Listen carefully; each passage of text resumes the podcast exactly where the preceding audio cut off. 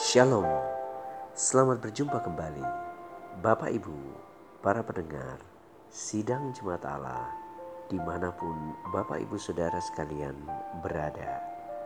Saya percaya Bapak Ibu Saudara sekalian dalam kondisi yang sehat Dipelihara oleh Allah, dijagai dalam segala kebaikan dan kemurahan Tuhan. Kita akan segera mendengarkan renungan firman Tuhan dengan judul Ingatlah. Teks kita terambil dalam kitab Ulangan pasal yang ke-8 ayat 2 dan ayat 3. Di situ dikatakan, Ingatlah kepada seluruh perjalanan yang kau lakukan atas kehendak Tuhan Allahmu di padang gurun selama 40 tahun ini dengan maksud merendahkan hatimu dan mencobai engkau untuk mengetahui apa yang ada dalam hatimu, yakni apakah engkau berpegang pada perintahnya atau tidak. Jadi, ia merendahkan hatimu, membiarkan engkau lapar dan memberi engkau makan mana yang tidak kau kenal dan yang juga tidak dikenal oleh nenek moyangmu untuk membuat engkau mengerti bahwa manusia hidup bukan dari roti saja, tetapi manusia hidup dari segala yang diucapkan Tuhan. Bapak Ibu para pendengar yang dikasihi Tuhan, kita baru saja membaca bagian teks firman Tuhan di mana Musa menyampaikan sesuatu kepada bangsa Israel untuk mengingat kembali bagaimana Tuhan telah menolong mereka. Nah dalam perjalanan selama 40 tahun itu ada hal-hal yang mereka harus ingat. Nah apa saja yang mereka harus ingat dan terus diingatkan supaya mereka mengambil pelajaran yang begitu penting dari perjalanan selama 40 tahun itu. Nah, apakah yang harus diingat? Yang pertama, Bapak Ibu Saudara sekalian, di situ dikatakan Ingatlah kepada seluruh perjalanan yang kau lakukan atas kehendak Tuhan Allahmu. Jadi yang pertama kita harus ingat bahwa ketika kita sedang dalam berjalan di dalam dunia ini mengalami banyak tantangan, mengalami banyak kesulitan, asal kita berjalan di dalam kehendak Tuhan, maka kita tidak perlu khawatir, tidak perlu ragu lagi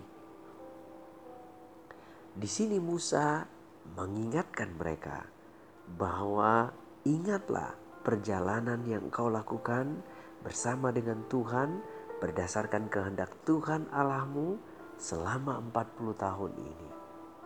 Nah, Bapak Ibu Saudara yang dikasih Tuhan, mungkin saja kita sedang mengalami banyak tekanan, banyak pergumulan, banyak masalah. Tetapi asal kita dalam kehendak Allah, maka itu adalah tempat teraman di dunia ini. Banyak orang berkata bahwa tempat teraman adalah benteng yang kuat, terlindungi dari segala sesuatu. Tidak, Alkitab justru mengajarkannya berbeda. Tempat yang paling aman di dunia ini apabila kita ada dalam kehendak Allah. Nah, sekalipun di tengah pandemi yang begitu mengerikan, kalau kita berjalan berdasarkan kehendak Allah, maka inilah tempat teraman bagi kita. Begitu juga bangsa Israel, mereka berjalan bersama Tuhan. Umat Tuhan dikuatkan dan dilindungi selama 40 tahun itu. Ya, mereka mengalami banyak pergumulan, banyak tantangan, tetapi dalam kehendak Allah mereka dicukupkan. Bayangkan umat Tuhan waktu itu Bapak Ibu Saudara sekalian. Mereka makannya saja itu mana roti yang turun langsung dari sorga. Setiap pagi ada sesuatu bentuk berupa embun. Lalu mereka memungutnya, menggumpal dan mereka memakannya. Dan itu cukup untuk satu hari. Bapak Ibu Saudara sekalian. Sore hari ada burung puyuh berterbangan di atas mereka dan itu menjadi daging makanan mereka. Coba Bapak Ibu lihat. 3 juta orang di padang gurun. Berapa galon air yang harus dicukupkan bagi kebutuhan mereka? Berapa kali mereka makan dalam sehari? Dan berapa daging yang harus mereka habiskan dalam sehari? Tentu saya pikir hanya Allah yang bisa membiayai kehidupan bangsa itu di tengah padang gurun. Itulah sebabnya Bapak Ibu Saudara, asal Bapak Ibu kita dalam kehendak Allah, maka Tuhan menjamin pemeliharaan dan kecukupan kita. Tinggal serahkan hidup kita kepada Tuhan. Itu yang pertama. Ingatlah bahwa selama kita dalam rencana Allah, kita berada dalam tempat yang terbaik. Yang kedua, Bapak Ibu Saudara sekalian, apa yang harus diingat? Ingatlah bahwa Tuhan merendahkan hati kita, mencobai kita, sehingga apa yang ada dalam hati kita itu nampak. Jadi, ingatlah bahwa di dalam perjalanan kehidupan kita, Tuhan mengizinkan masalah, Tuhan mengizinkan pencobaan, Tuhan mengizinkan berbagai macam pergumulan untuk apa? Untuk merendahkan hati kita. Ingatlah, Dia mengizinkan itu semua untuk merendahkan hati kita. Nah, apakah maksudnya merendahkan hati kita? Apakah kita mengandalkan Tuhan? Atau mengandalkan diri kita sendiri. Jadi kita mesti ingat Bapak Ibu Saudara sekalian bahwa di dalam segala keadaan tujuan dari pergumulan, masalah, pencobaan yang diizinkannya sebenarnya adalah untuk merendahkan hati kita. Merendahkan hati kita ini mengajarkan kita apakah kita berpegang pada perintahnya atau tidak? Apakah kita mengikuti Dia dengan segenap hati atau tidak? Jadi, Bapak, Ibu, saudara yang dikasih Tuhan, ketika kita dalam kesulitan yang besar, tantangan yang besar, di situlah iman kita diuji.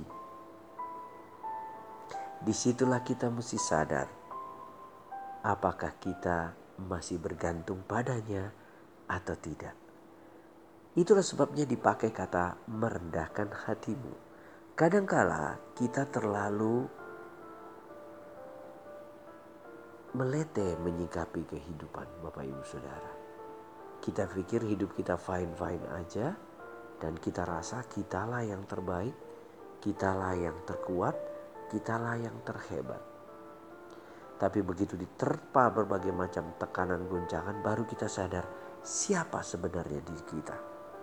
Bahwa kita ternyata tidak mampu, lemah, dan butuh Tuhan.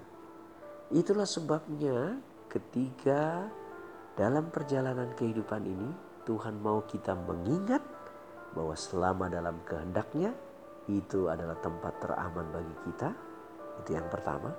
Yang kedua, kita mengingat bahwa tujuan dari semua pergumulan, tekanan dan masalah adalah untuk merendahkan hati kita. Nah, Bapak Ibu Saudara sekalian, biasanya orang yang baru keluar dari tekanan masalah dan pergumulan akan lebih rendah hati menghadapi kehidupan dibanding mereka yang belum. Orang-orang yang telah melewati tekanan ujian kehidupan akan mudah untuk berempati, akan mudah untuk membagikan pengalamannya tentang bagaimana mereka bisa keluar dari persoalan daripada sebelum mereka melewatinya. Nah, Bapak Ibu, itu yang kedua yang harus kita ingat. Dan yang ketiga, apa yang harus kita ingat? Di situ dikatakan supaya kita ingat bahwa kita hidup bukan dari roti saja, tapi hidup dari segala yang diucapkan oleh Tuhan. Nah, Bapak Ibu Saudara, ingat akan firman Tuhan. Itulah yang ketiga.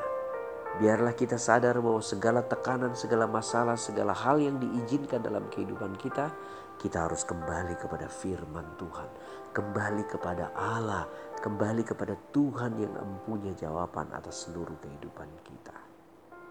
Nah, sekarang kita mengerti kalau Tuhan mengizinkan masalah, persoalan, dan berbagai macam hal untuk kita lewati, tentu ada maksudnya. Yang pertama, ia mau kita ingat bahwa meskipun di tengah masalah dan pergumulan itu, kalau kita melewatinya dalam kehendak Allah, maka itu adalah tempat yang teraman.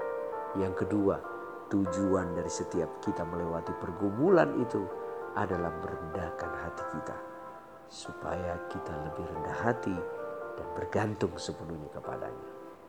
Yang ketiga, kita ingat bahwa kita hidup kita bersandar dari setiap perkataan firman Tuhan yang diucapkan Allah. Tuhan Yesus memberkati kita hari ini Bapak Ibu Saudara sekalian. Selamat mengingat akan kebaikan dan kemurahannya. Amin.